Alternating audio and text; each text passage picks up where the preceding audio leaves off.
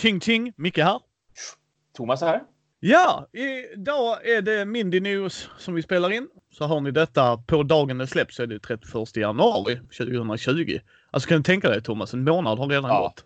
Wow, det är så sjukt vad tiden springer nu. Oj, oj. ja. Tyvärr inte Brisse med. Han har gått och blivit sjuk. Mm. Så är det. Så är det. Och han har till och med barn. Så att ge dig fan på att har inte han fått det av henne så är det nog något annat skit som går under. Visst, ja, det brukar gå runt. Ja, men han är ju större riskzon. Men det gör inget. Som, som till livet. Mm, mm. Vi, vi sitter och håller fanan högt där. Uh, jag tänkte vi djupdyker väl som vanligt Thomas. Vad vi har spelat sen sist. Mm. Lite nyheter och lite kickstarters och sen vad vi ska släppa i pipelinen. Ja, visst. Jag har spelat sen sist uh, It's a wonderful world. Tror du eller ej? Det kom fram på bordet tänka igen. sig. Alltså, ja. Det verkar vara en riktig hit nu. ja, ja, men jag gillar det. Alltså jag, eh, det är någonting, det är ett jäkligt bra fillerspel. Mm. Som ändå, där är slump på tur och så här, men det är drafting så att mm. alltså, jag, jag, gillar att drafta. Jag gillar att mm. drafta. Mm. Mm. Så att, eh, nej jag gillar det. det är, ni som inte har hört det innan, det är ett draftingspel där eh, man i ordningen man får resurserna kan påverka. Alltså det är det jag gillar med spelet för att du har man går igenom en viss turordning. Gråa, svarta, gula, blåa, röda till exempel. Nej, inte röda, men gröna. Det är ta ordningen för vad den här gått för. Men liksom får jag gråa som i sin tur gör att jag får klart en byggnad som gör att jag får svarta. Ja, mm. då kommer jag få de svarta vid den fasen. Så du kan verkligen planera ut det och strukturera upp det. Mm. Och där är fortfarande slump, absolut. Men äh, ja, det är skönt. Det är mysspel skulle jag vilja säga. Mm. Mm. Så det var min första. Din första senast spelade Thomas. Eh, jag tar väl också en eh, gammal goding då som också är så här surprise. Gissa vad jag har spelat det här igen och det är ju Space Corp. jag kommer allt närmare den här videon som jag vill göra och lägga upp på ja. kanalen. Men jag vill ju verkligen superhård testa det. Nu har jag börjat spela det med, med folk också och inte bara sitta själv. Utan, vilket jag också dock har hunnit igenom. Alltså jag har även hunnit igenom en till spelomgång solo, det ska sägas. Eh, och det var bara för att jag ville, jag ville testa att spela mitt i spelet så att säga. För, för er som inte har hört det tidigare, Space Corp är ju ett, ett eh, utforskarspel i rymden och man ska spela tre faser där det går så här typ 100 år ungefär per fas. Så att man får känna på lite så här utveckling, lite som Seven Wonders är med sina tre eror som man ska spela igenom. Och eh, tidigare när jag spelat solo så har jag alltid spelat igenom den första, den andra och den tredje eran, alltid varje gång. Men eh, spelet är ju upplagt så att man kan om man vill bara välja att spela en era eller bara två eror och man får lägga upp det som man vill. Så nu vill jag testa och bara hoppa in i mitten-eran och så spelar jag bara mitten-eran som, som ändå ger ganska mycket av spelmekaniken och eh, ändå inte tar så mycket längre tid än vad den första eran gör. För den är väldigt så här introducerande och väldigt snäll och ska visa spelaren och spelarna så här funkar mekaniken. Så det var, det var jätteroligt att spela igenom mitten-eran. Det ska jag absolut göra fler gånger bara för att dels hålla ner på tiden jättemycket, för det här klarade jag av på runt en timme så var jag färdig med det, trots alla duttar och alltihopa som man ska ställa upp. Ehm, um, Setup-tiden i och för sig, den, den, den tog lite längre tid och det, så att, jag, jag satt nog lite drygt en timme skulle jag tro om jag tänker på att jag behövde ställa upp alltihopa också. Men sen spelade du även på tre spelare och det var väldigt roligt och väldigt annorlunda det är just interaktionen mellan spelarna som gör det så himla annorlunda. Jag tror att det var i avsnitt fyra någonstans kan det nog ha varit när jag faktiskt gick igenom hur SpaceCorp funkade och berättade om mekanik och sånt där. Och den största skillnaden i att spela solo kontra och spela med flera, det är just den här stora interaktionen. Det är inte bara konkurrensen, för absolut, konkurrens gör ju väldigt mycket. Att ha andra spelare som åker ut på den här stora stjärnkartan som spelplanerna visar på och att de försöker att kolonisera planeterna. Och för det är ju ett race verkligen. Den som kommer dit först och upptäcker vad det finns för någonting på en planet eller en mål eller vad det nu är för någonting och sedan dessutom bygger en bas där. Det är ju den personen som verkligen kommer att få poäng för det. Men eh, utöver då konkurrensen som nu finns i och med att jag har flera spelare jag ska spela mot. Det, det som framförallt jag tycker är stor skillnad, det är att man har ju ett högkvarter som är liksom din spelarområde och du kan uppgradera ditt högkvarter så att det blir bättre så att när du gör en handling då är den si så effektiv beroende på hur du har valt att uppgradera ditt högkvarter. Och de här högkvarteren är öppna för alla spelare. Så jag kan använda ditt högkvarter, Micke. Om jag tycker att ditt högkvarter ser bättre ut för den här handlingen jag vill göra, förflyttning eller bygga en koloni eller vad det nu är för någonting. Då kan jag säga, Micke, jag vill använda ditt högkvarter för att göra den här förflyttningen. Det ger ett kort till dig, ett slumpat kort. Du får dra ett kort från, från korthögen. Så någonting kommer du få ut av det, men du vet inte vad. Du vet inte hur positivt eller om det bara är ganska neutralt för dig, men du får åtminstone någonting för det. Samtidigt som jag ändå inte behöver ge bort någonting. För det hade ju varit en helt annan femma om jag hade behövt ge dig till exempel då ett av mina kort som jag har på handen. Men det, det, det är det här jag verkligen gillar med det, för det är en väldigt bra catch-up mekanik också. Att även om jag kanske gör dåligt ifrån mig, säger den första eran och har ett ganska dåligt utvecklat högkvarter, för jag har haft lite otur med korten som jag har dragit i min hand och därmed inte kunnat uppgradera mitt högkvarter lika bra som till exempel du har gjort. Då kan jag fortfarande ändå ju använda ditt högkvarter för att komma ikapp mycket lättare. Så att inte jag sitter där med mitt högkvarter genom hela spelet och bara känner att jag har en uppförsbacke som jag försöker cykla i. Liksom. Så jättebra, trevlig upplevelse var det. Båda som jag spelade med nu, som är från min ordinarie spelgrupp och som är ganska tunga strateger och gillar verkligen strategiska spel och gillar mycket Eurogames de tyckte det var fantastiskt kul. De sa det båda två att det här kan vi spela när som helst igen. Eh, både med flera eller med färre, alltså bara spela två rent utav. Så att jag ska samla dem en gång till och så ska jag hitta en fjärde spelare. För nu vill jag verkligen jämföra också hur är skillnaden på att spela då tre kontra fyra. Hur mycket större skillnad blir det med den här extra konkurrerande personen? Och hur potentiellt mycket längre tid tar det. Jag skulle säga att det inte kommer att ta någon mycket avsevärt längre tid för att spelet är väldigt elegant i turerna. Oftast när det blir din tur så vet du exakt vad du ska göra. Det går liksom direkt på typ fem sekunder så är du färdig med ditt drag och så bara rullar det vidare. Så jag tror inte att det kommer direkt att göra någon downtime på det viset att man måste sitta och vänta på sin tur, utan det är bara just konkurrensen och konkurrensen gör spelet roligare. Ja, ja, ja men det är härligt ju. Ja. Mm, härligt, mm. härligt. Vi får spela den då, Thomas. Oh ja, jätte, jättegärna. Ja. Uh, mitt nästa spel och, uh, är Power Grid. Uh, ah. Martin hade inte spelat det, min bästa vän. Tror jag. Jag tror han har sett oss spela det. Ja, jag vet inte för Sören hur vi kom in på det, men han hade inte spelat det i alla fall. Mm. Tror jag då mm. i alla fall. Uh, det är ju, vi gjorde en recension när vi höll på med sådana silliness, uh, så ta en lyssning på det någonstans. Men, men det är ju jag är jättedålig på det spelet. Men jag vill bli bättre. För mm. att man måste balansera aktion, man aktionerar mm. ut kraftverk, man, man köper resurser för att underhålla det, alltså liksom betalar för att kunna använda dem. Och sen ska man då köpa plats på kartan. Och jag har väldigt svårt att överväga hur värt är mm. ett kraftverk mm. liksom. Mm. Det är där liksom grejen kommer in. Och så, och så var tredje spelare var Fredde, så lo och behåll, Fredde vann. Vilken uppförsbacke att spela i där. men, men det gör inget för Fredde, Fredde, vi brukar alltid prata om det jag och Fredde efteråt. Och, det, och jag har sagt till honom att det är liksom uh, ett problem jag har där. Men uh, nej, alltså det är ett jäkligt bra Eurogame. Ja. Det är ett väldigt, och jag vill säga att det är nybörjarvänligt också. Ja. Mm, mm. Mm. En av de få jag skulle säga. Visst, det är lite så här. Vi, även vi fick läsa igenom hur gör vi setupen med kraftverken? Hur kommer det fungera? När triggas fasen? Men när du väl mm. kommer in i de grejerna, då är det smart, smidigt, enkelt. Och en grej jag gillar, att den, den kollar hur många hus du potentiellt sett skulle kunna strömse. Eh, eller områden, städer. Det är ju inte hus, men hus på kartan. Mm. Eh, så visar den ju det. Och där ska man ju passa sig. För att visar den att du leder, då kommer du få aktionera ut först. Mm. Ja, mm. det stämmer. Då kommer du få hålla i aktionerna först. Sen kommer du få köpa resurser först. Yes, det är också jättebra. Mm. Men sen vänder de ordningen. Den som ligger sist får köpa först. Ja. Ute på kartan. Mm. Och det mm. kan vara en jäkla dyr kostnad. Ja, ja jättemycket. Det är det mm. som jag också gillar så himla mycket med det där spelet. Och en sån här sak som jätte det är mycket växer på en ju mer man kan spela Power Grid och därför är det kul att spela Power Grid mycket, liksom, alltså många gånger i rad gärna.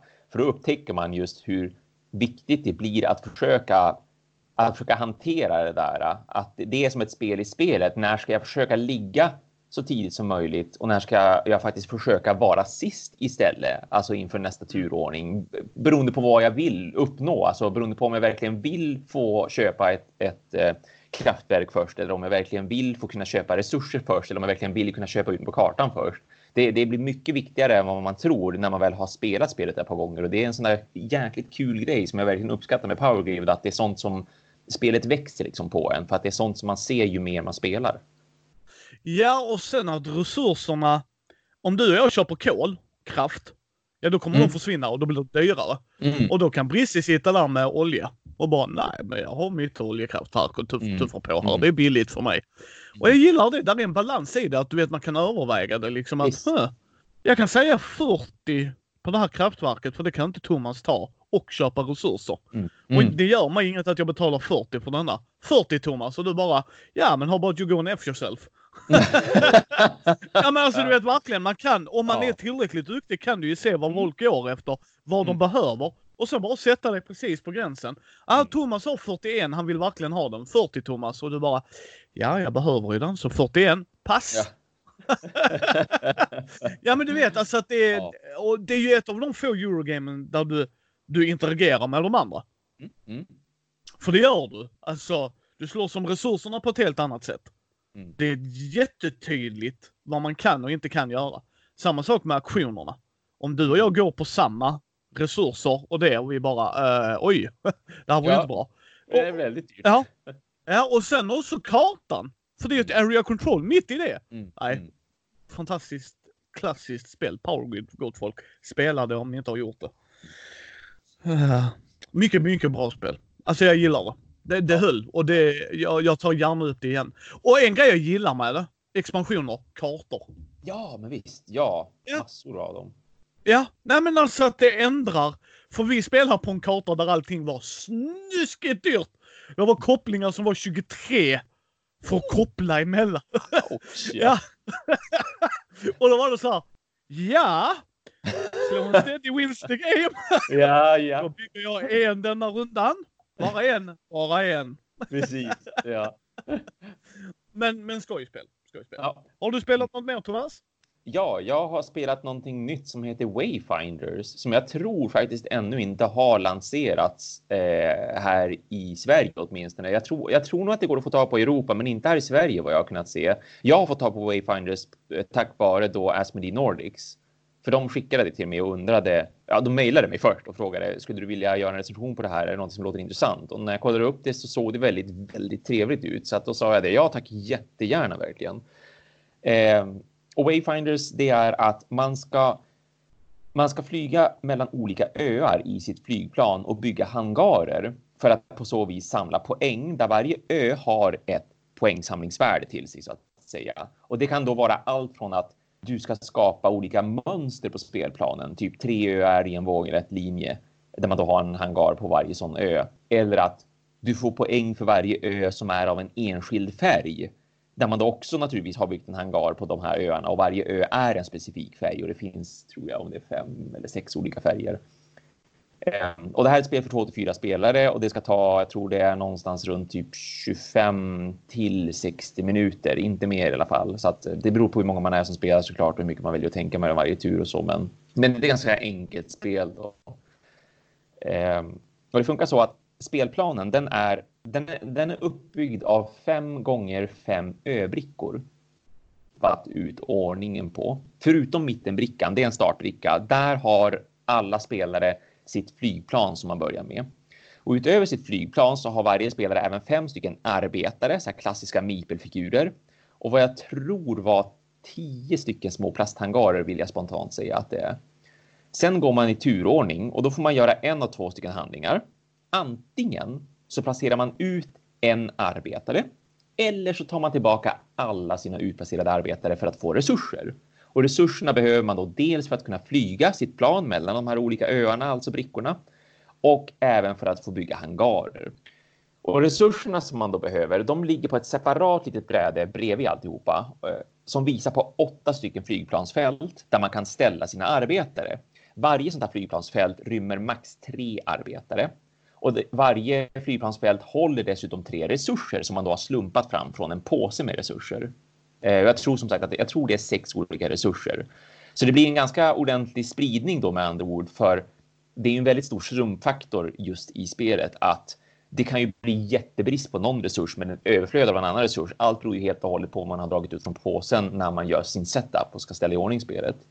Och resurserna de ligger i en viss ordning på varje flygplansfält. Så när man då bestämmer sig för att man ska plocka tillbaka sina utplacerade arbetare från de här flygplansfälten, då får man alltid den resurs som ligger överst i ordningen av resurserna på varje fält.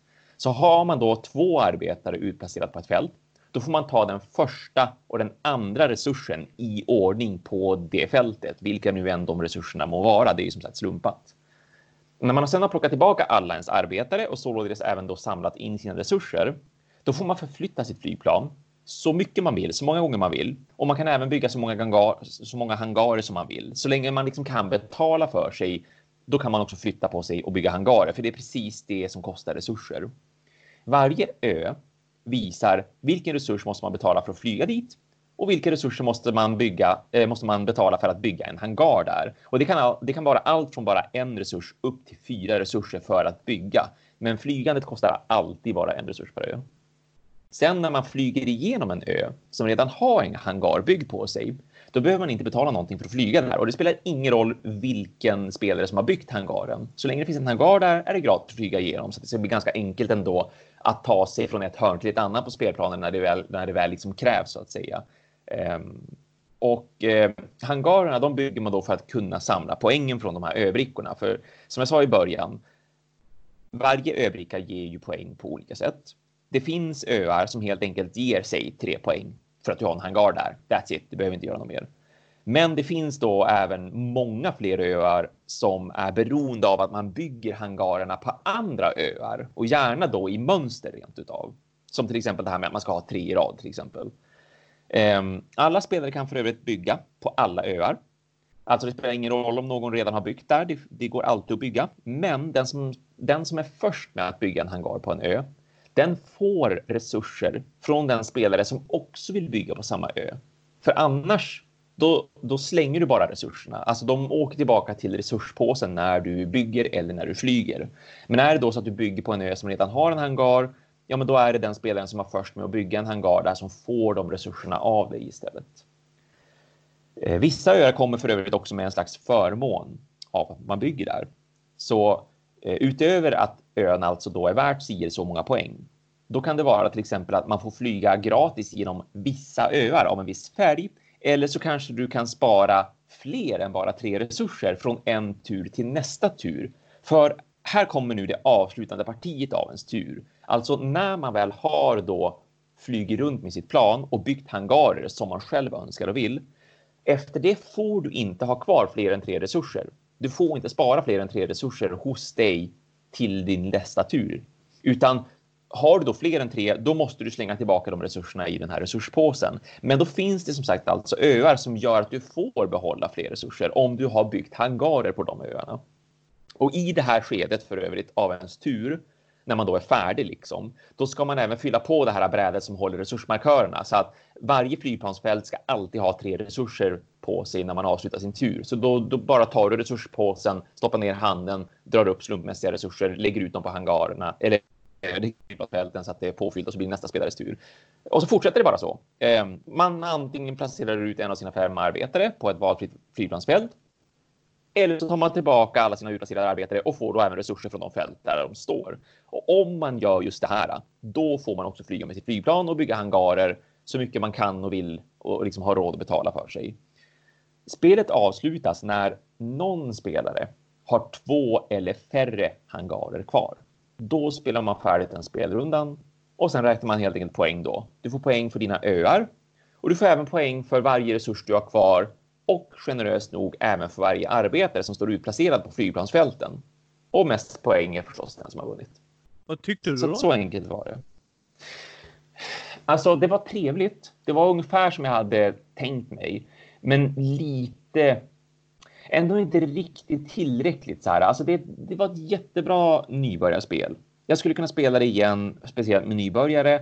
Och om det skulle kosta så här typ 350 spänn 300-350, då skulle jag absolut kunna rekommendera det. Och det, det var väl cirka vad det verkar kunna kosta. Alltså någonstans runt 350 till 400 skulle jag gissa på att det hamnar här i Sverige när det väl kommer hit. För jag såg att, att det, jag tror det var 30, 32 eller 33 pund som det verkar gå på om man kollar det tillverkarens hemsida. Så lite kanske i överkant för vad man får rent eh, produktmässigt liksom. Och då menar jag inte så här spelmekaniskt nödvändigtvis. Då tänker jag mer på vad man får för, för någonting med spelet. Jättefin artwork. Jag älskar designen på öarna. De, de, jag tycker den är jättefin och lådan är också jättefint designad. Eh, man får plastflygplan, man får plasthangarer, man får plastmipels. Lite tråkigt att det är av plast alltihopa tycker jag. Och eh, lite plottrigt kanske man ändå kan tycka att symbolerna och poängen och allt det här, den här informationen som står på varje bricka, det, det, det är lite att det skär mot bakgrunden när de har valt alltså detaljerade bakgrunder. För varje ö är väldigt unik och liksom ser ut på ett visst vis och det är mysigt. Men det som mina, mina vänner när jag spelade sa att det hade gärna fått kunna poppa ut lite mera siffran för poängen och, och vilka resurser man behöver betala för att bygga en hangar och sådär ett, ett helt okej spel tycker jag. Alltså trevligt att spela, väldigt bra för var gemene man, jättebra familjespel, men eh, inte så mycket mer än så. Liksom. Jag hade gärna sett att det var några snäpp högre, att det var ännu mer planerande, att det var liksom åt Five Tribes hållet eller Yamatai eller någonting sånt där. Men nu, nu är det liksom mera som ett Days of Wonder light-spel, alltså typ Ticket to Ride. Och det är ju inget fel på det så, men det är ju inget spel som jag kommer att ha i min samling av den anledningen för att min spelgrupp kommer inte att vilja spela det här kontra till exempel då Space Corp. Nej. Ja, ja, ja. Då får vi vänta på videon då, om du kommer göra video på det. Precis, precis. Jajamensan. Ja, men då så. Uh, jag tänkte avsluta med ett rollspel. Vi mm. spelade första äventyr, uh, introduktionsäventyret i Ur varselklotet av Nils Hinses oh. och Fria Ligans och Simon Stålenhags uh, bilder såklart. Wow. Mm. Det var jag, Anton, hans fru Linnea, första gången mm. hon spelar rollspel. Mm. Hon trodde all rollspel var mer eller mindre Dungeons and Dragons. Ja, uh, och det inte bara hon som oj. tror det. nej, visst. Mm, visst ja. Jag tror det är en vanlig, vanlig uppfattning. Ja. Uh, nej, och det gick jättebra. Hon hade jättekul. Och sen var det Martin och Fredrik också. Inte mm. Fredde mm. utan en annan Fredrik Weber. Ja, just det. Så shoutout till uh, Martin Svanis och Fredrik Weber. Uh, så vi, de spelade barn i 80 på 80-talet där. Så att, men de tyckte det var kul. Uh, mm, Så att det, det gick över lyckat. Vi ska fortsätta spela. Så att ja. hon ville spela mer, Linnea. Ja, ja. Jag tyckte hon var jättekul. Hon fick en helt annan bild av det. Så, att, ja. så det var nice. Mm, mm. mm. Uh, så det, det, var riktigt, riktigt nice. Sen ska jag innan Thomas, om han har någon, har du någon mer Thomas? Ja, jag har en till, jajamän. Ja, så ska jag bara säga, ser du vad som är på bordet bakom mig Thomas? Nej, faktiskt så gör jag inte riktigt du ser inte Twilight Imperium-lådan? Uh, ja, okej okay, nu. Jag borde förstora upp ditt fönster, men det är för att jag har lite anteckningar som jag tittar på. Så att ja, jag borde, jag borde per automatik även med det där lilla fönstret ha. Alltså nu är det uppenbart när jag ser när du har sagt det. För att det där mönstret på liksom på bokstäverna och den här blåa på lådan, det, det är bara Twilight Imperium. Gissa vad jag ska göra på lördag? Nej, men oj, vad snuskigt. Ja, vi är fem pers som ska spela. Ja, fem pers. Wow. Ja. Ja, så det blir Fredde, Frykis, min kusin, eh, Matti från brädspel och sånt och eh, hans kompis Christian och sen jag då. Så att vi är fem pers. Första april, eller första april, första februari ska vi sätta oss och köra. Och då eh, Christian och Matti har inte spelat Twilight Imperium. Så att... Ja. Har ni hypat upp det och har de, hur mycket koll har de på spelet sen tidigare och sådär? Uh, Matti har väl nog haft koll på vad det är. Christian känner jag inte så väl. Jag har träffat honom ett par gånger. Nej, så en trevlig kille. Uh, mm. Men Matti, han har väl vetat vad det är och det är ju en... Många har nog väl hört det tar tid att spela och sådär och det gör ja, det ju. Och sen är det ju ja. ett sånt... Ja, Fredda har ett hatkärlek till det här spelet. Uh, sist vi spelade så gick han på Mechatol Rex. Oh. Så går han dit, alltså första rundan, typ, alltså så första varvet, alltså mm. sådär. Mm. Ja, så säger han, ja då tar jag den. Så tittar vi tre andra på honom. Du måste betala sju influens. Ja, just det. Nya regeln. Mm. Ja. Men det är inte första gången de har gjort det, Thomas. Det gjorde han gången innan vi spelade också. ja, ja. så, så Frikis, Frikis, min kusin sa det. Eh, tror du han kommer gå mot Mechatron Rex igen? Glömma bort att han ska betala för det. Och vi får påminna han, du behöver ha sju influens för dem. det vore fantastiskt roligt om det hände en gång till ju. Ja. uh, men det ska vi spela, så det ser jag jäkligt fram emot. Ja. Vad var ditt sista Thomas? Jag har spelat Adventure Games The Dungeon. Och det har jag sett fram emot att få spela länge nu. Jag har haft det tror jag liggandes i åtminstone en och en halv månad. Eh, och, och, det är bara för att det är en eh, ny produkt, åtminstone för, för oss på jobbet. Det finns två stycken Adventure Games. Eh, den andra tror jag heter Monochrome Inc. Och de är lite så här eh, exit-aktiga liksom. Så att det, det, är mycket därför som jag har varit intresserad av det. Dels gillar jag den typen av spel och dels så är det ju alltid intressant att få kunna sätta sig in i ett nytt sånt spel mest för kundernas skull så att folk vet men vad är skillnaden på det här och det här och det här. Det känns bra om man kan faktiskt verkligen förklara det. Och Adventure Games, The Dungeon som de nu spelade, som sagt, det är lite time stories blandat då med lite unlock och med lite exit. Och för er som inte är bekant med någon av de här titlarna eller det här spelsättet, de två sistnämnda, de handlar om att man ska försöka ta sig ut från en plats genom att lösa typ gåtor och pussel. Det här är ju mer av ett narrativt äventyrsspel som, som har en hel del pussellösande och klurande också. Och upplägget är ju faktiskt väldigt likt de gamla peka-klicka äventyrsspelen som fanns digitalt på 90-talet. Men Adventure har samma typ av fokus på det narrativa som Time Stories har. För det är jättemycket läsande som man ska göra och det är i en medföljande äventyrsbok som det görs, för den kommer hela tiden att beskriva hur rum ser ut. Den berättar vad som till exempel händer när man kombinerar en nyckel med ett lås eller om man interagerar med sin omgivning, typ pratar med människor som man träffar. Och det var jag faktiskt inte alls beredd på. Jag trodde det här skulle vara ändå mycket mer åt liksom exit game-hållen. Att det liksom bara är kort egentligen som man tittar på så får man själv så här, bygga upp sin story lite grann. Ehm. Men eh, likt Time Stories så är upplägget dessutom mer turordningsbaserat. Så att alla spelare har varsin spelpjäs. Som platskort som visar hur de här olika platserna ser ut där man befinner sig i. Och varje sånt platskort har sätta på sig lite varstans som liksom utmärker vad kan man interagera med här? Vad kan man undersöka på den här platsen? Och det kan vara allt från typ när det blir ens tur då placerar man sin spelpjäs vid en av de här siffrorna för en grej som man vill undersöka på ett platskort. Och så bläddrar man helt enkelt fram rätt paragraf i äventyrsboken och så läser man högt upp för alla spelare vad som händer. Till skillnad från hur Time Stories då funkar, för, för där läser man ju sånt för sig själv och sen ska man återberätta vad som händer. Men här har man alltså en högläsning på precis allt som sker i spelet. Ingen liksom hemlig. Är det väldigt mycket som handlar i att man med jämna mellanrum ska få dra av genererade kort som avbildar olika saker som man hittar. Och så kan man dela med varandra. Men man kan också kombinera de här sakerna som man ser på platskorten så att man får fram en siffra i, i vilket fall som helst, oavsett om det är två kort du kombinerar, om det är ett kort med, med en plats, liksom en siffra på en, en platssiffra. Då får man då en siffra. Man bläddrar fram den i äventyrsboken och finns det då en matchande paragraf, då läser man den. Finns det ingen matchande paragraf, då har man tänkt fel.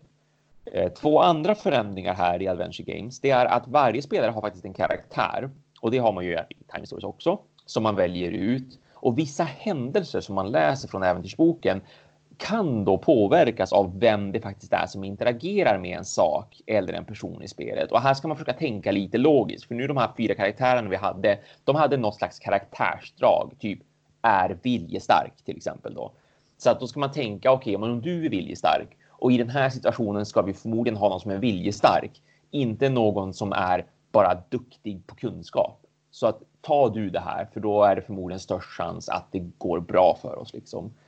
Och man får även tilldela till sig ett antal livskort som här mätte varje karaktärs fysiska hälsa. Så att man kan alltså ta skada av att utforska och spela och liksom när man läser de här paragrafer som berättar vad som händer och vad man råkar ut för. Men livskorten är bara en del av poängräkningen.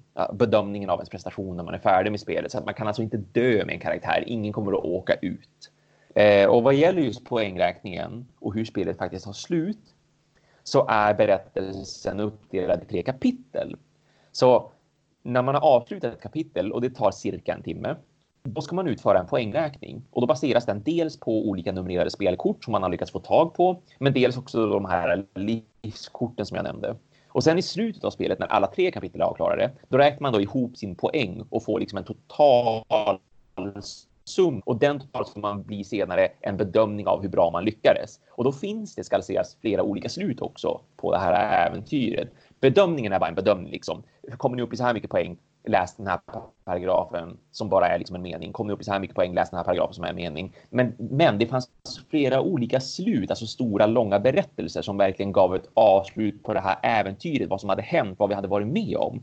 Så det spelar verkligen roll hur man då tar sig fram till det här slutet. För spelet har då flera olika skrivna sådana som man, man, ska läsa upp ett specifikt och därför finns det också ett omspelbarhetsvärde i det. Om man förstör ingenting av spelkomponenterna heller till skillnad från exit-spelen utan det är liksom det är time stories och unlock på det viset. En till 100 procent om man vill. För företaget Cosmos som har tillverkat spelet, de har en så kallad hjälpapp som är gjord för alla deras produkter. Så om man då väljer Adventure Game-serien i appen, då kan den dels faktiskt lära en hur spelar man spelet? Inklusive så här, hur ställer man i ordning alltihopa? Och så visar den på mobilen. Men den kan också läsa upp allt som står i äventyrsboken och gör det väldigt bra tycker jag också. Det var en bra inlevelse, det var en, en tydlig röst så att det var, det var väldigt trevligt. Vi testade det bara för skojs skull, bara för att möjligheten fanns. Så lät vi den läsa liksom, varenda rad liksom, i den här äventyrsboken. Eh, superbra och superroligt. Det var, det var jättebra skriven berättelse. Det var väldigt intressanta händelser. Aningen enkla pussel kan jag tycka. Men det blev åtminstone ett väldigt bra flöde i spelandet om inte annat. Och, och det gjorde också att vi tog igenom oss hela den här The Dungeon på typ två och en halv timme. Eh, rekommenderas absolut för de som gillar escape rooms. I synnerhet just även Time Stories, just för hur otroligt narrativt det var. Jag var verkligen inte beredd på det återigen. Och allt som händer liksom rent berättarmässigt, storymässigt, alla val man kan göra, att det fanns olika slut. Det var det som var spännande, att, att det, blev som ett, det blev som ett äventyr tillsammans. Även om jag som sagt kan absolut tycka att pusslerna gick ganska enkelt. Man förstod väldigt snabbt vad man skulle kombinera med vad. Men vi kanske bara var en väldigt bra spelgrupp, det vet jag i och för sig inte. Å andra sidan så kunde jag heller inte hitta någon slags svårighetsgrad eh, till skillnad från Unlock och Exit-spelen, för de är ju ändå graderade. Men den här, både Monochrome Inc och The Dungeon, jag har inte sett någon svårighetsgrad på kartongen eller på deras hemsida, utan det, det, är liksom, det bara är så att säga. Så att det kommer nog bero mer på, antar jag, hur duktig man är på att se sammanhang och liksom vilket föremål ska kommuniceras med, kommuniceras med vad. Spännande. Jag är lite mätt på sådana spel själv. Ja, det är förståeligt. Alltså det, den marknaden har ju exploderat just i, i synnerhet efter Exit såklart att de blev så att det finns ju jättemånga Dexcape också som, som ju Brisse pratar om och så där. Så att det, det, finns kanske lite för många exit just nu egentligen. Alla ska som göra sin egen take på det och så även då Cosmos här med sina Adventure Games. Men det var ett spännande äventyr, det var det. Mer av ett äventyr än en escape room tyckte jag. Mm. Ja, men det är härligt. Tänkte vi hoppa på nyheterna. Mm, mm. Uh, har du några nyheter idag? Jag har lyckats uh, få ta på två nyheter faktiskt. Okej. Okay. Då börjar jag med en. Lord of the Rings Journey in the Middle Earth kommer ha en stor Tack. expansion som kommer ut. ja. Uh, ja. Uh, för folk som har saknat och tyckte att de skulle släppa en big box expansion. Här har ni folk. Där är mer hjältar. Uh, Traveling Long Shadow Path eller vad fasiken den heter. Ja, Skoj för dem. Ja, visst. Ja. Eh, det är ju 13 stycken scenarier, alltså en helt ny kampanj på 13 scenarier. Och så var det som du säger då de här eh, jag tror det var 25 plastfigurer totalt de skulle ha med. Och det var ja. om fem eller sex av dem var hjältar och resten är monster och så massvis med såna här eh, nya liksom landskapsbrickor så att man kan utöka hur världen ser ut och massa nya spelkort och sådär ja. också. Så att som sagt en jättematig expansion. Men så ska den också ligga på 80 dollar. Vilket ja. jag tycker är väldigt dyrt. Eh, Åh, men jag tycker pass. att gruppspelet är dyrt. ja, ja. Vilken hård pass. Men det är skoj för de som har, gillar spelet och ja. längtar efter mer. Här har ni mer. Ja. Att, och, och, jag förväntade mig inget annat av dem heller. Alltså, Nej, jag, jag hade absolut. svårt att se att de skulle lägga ner det. Så att, mm. Men det var min första. Din Thomas? Eh, det var min första också, ja. Men tillbaks till Sagan om ringen, eller vi håller oss kvar där ändå. För att jag vet inte om ni andra har hört eller sett det här. Potentiellt så har ni hört det sedan länge tillbaka, men att det inte har hänt någonting. För det här fantastiska krigsspelet War of the Ring, det ska ju faktiskt få en till expansion som heter Ja. Kings of Middle Earth. Men alltså jag tycker det har varit väldigt så här, men, men kommer den och när kommer den och ska den? Vad, vad är det för någonting överhuvudtaget? För att jag, jag såg den här nyheten via Boarding Geek bara för någon dag sedan där de äntligen hade publicerat liksom en bild på så här ser omslaget ut och skrivit lite grann om det. Eller skrivit ganska mycket om det. Men, men jag tyckte också mig se någonting från så här typ två år tillbaka eller om det var tre år tillbaka. Bara, ja, ska komma en ny expansion, Kings of Middle Earth. That's it, ingenting. Sen har det varit tyst. Så att jag vet inte om det har hänt att den, att den försvann i limbo på något vis eller om det var något så här rättighetsproblem eller vad som kan ha gjort det här. Men, men nu har de i alla fall som det verkar faktiskt börjat jobba på den här på riktigt. Den ska komma under, under 2020 någon gång. Och det man får här, det är att eh, man ska tydligen få som en större känsla för och inblick, inblick i hur det fria folket och deras ledare kan och inte kan agera, liksom baserat på deras svagheter och vad Sauron har gjort innan hela det här kriget bröt ut.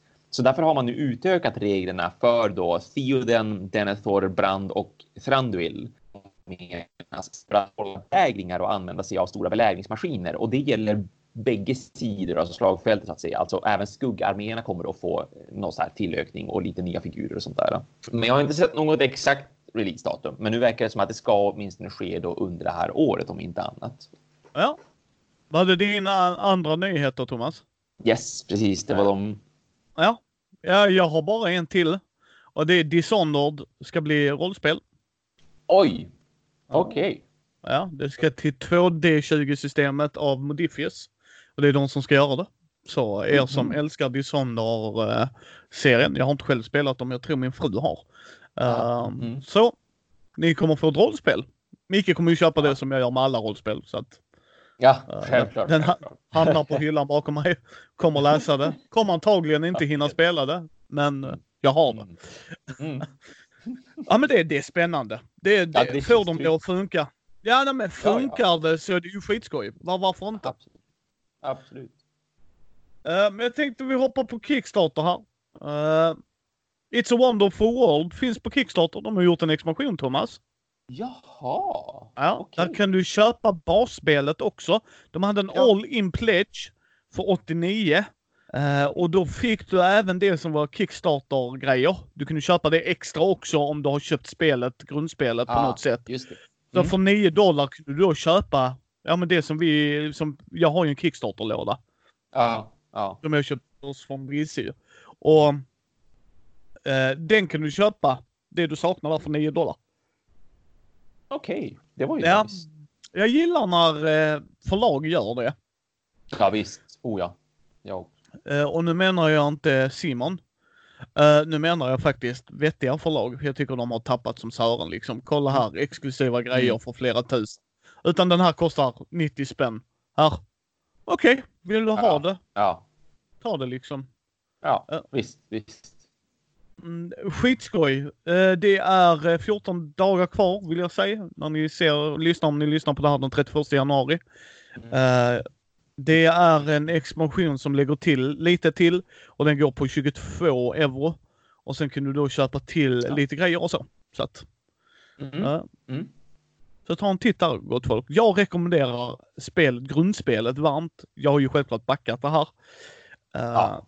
Men, så jag kan inte säga vad expansionen om det kommer bli den bästa ever. Det, det vet jag inte än. Men, men man kan Mm. gå in och köpa grundspelet. Det kan vara värt att notera. Mm. Mm. Verkligen, ja. Eh, så det var min första Kickstarter. Har du något Kickstarter? Nej, här går jag tyvärr däremot bet, eh, måste jag erkänna. Ingen fara Thomas. Då tar vi min sista för jag tänkte vi skulle wrap it up. Mm. Eh, så att vi kan podda mer om andra grejer gott folk. Precis. Kan ni tänka er? Precis. Vi är effektiva. ja, det är vi. Eh, har du hört talas om spelet QI? Nej, Q, QI. Ja, alltså Nej. Q, QE. Det är Nej. ett spel, Tom Wassel har pratat om detta en hel del. Eh, det är ett så här budgivningsspel där du får buda hur mycket du vill. Åh, Okej. Ja, Ja. Så, så jag kan buda 5 dollar och du 5 biljoner. All right. Ja, fast kickern är ju här sen. Vad, vad jag har förstått av spelet, gott folk, ta det här med en nypa salt, gå in och kolla Youtube på det och sådär.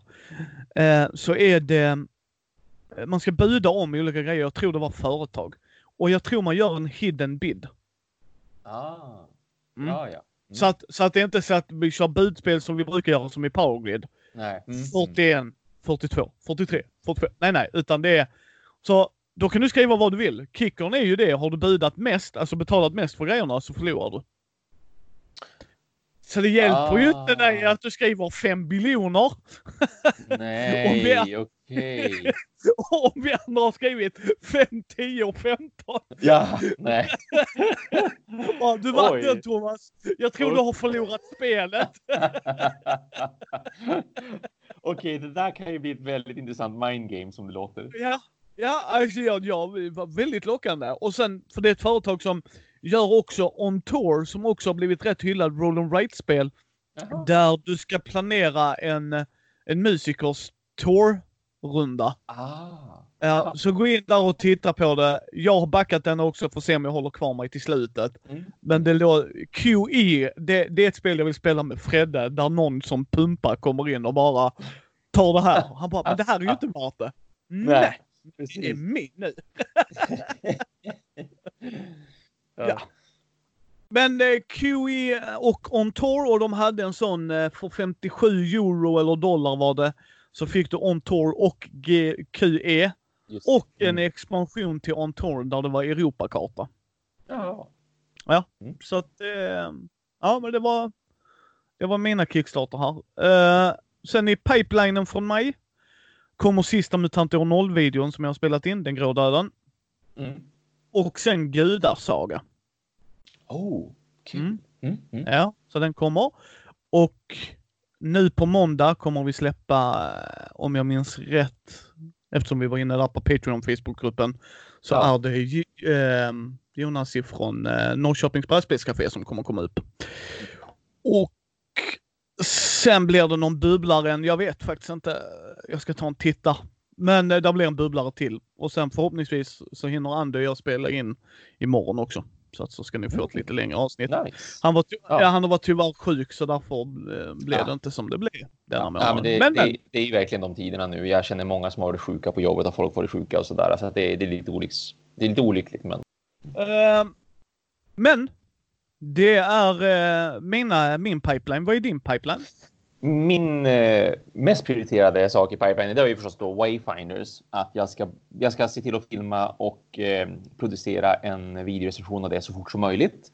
Så att ni kan få se hur det ser ut och själva då avgöra om det här verkar trevligt eller, eller sådär. Ehm, och eh, så fort som jag är färdig med det, då blir det fokus på Space Corp. För nu är det verkligen, verkligen dit jag vill gå. Liksom, nu måste jag få göra den här videon. Så att där handlar det mest bara om hur snabbt kan jag få ihop det här gänget på fyra pers? Det vore ju trevligast om jag kunde få de två som nu jag redan har spelat med för att det ska gå lite, lite snabbare också komma in i spelet och sådär. Um, så, så fort jag har lyckats råda ihop ett parti med fyra spelare så att jag verkligen får se hur det funkar också. Då ska jag börja göra den videon. Men Wayfinders är härnäst och det, det ska jag försöka liksom bli färdig med inom en vecka. Jag hoppas jag kan lyckas göra det. Eh, I värsta fall så kommer det nog ta två veckor, men jag hoppas på att få den videon på en vecka. Ja men det är härligt. Men eh, som vanligt gott folk hittar ni oss på mindy.se. Eh, Mindys bräd och rollspelspodd på Facebook, Instagram, Twitter, Youtube. Eh, ni hittar Thomas på hans eh, Konrad recenserar-grupp, även på Konrad recenserar på Youtube. Och alla sådana länkar är i show notesen som vanligt. Eh, ge gärna oss ett betyg på iTunes eller på vår Facebook-sida så fler kan hitta oss. Och känner ni att ni har någon slant över så får ni jättegärna gå in på vår Patreon och stötta oss där. Så hörs vi om igen om 14 dagar Thomas. Jajamän, det gör vi mycket. Ska det bli trevligt. Ja.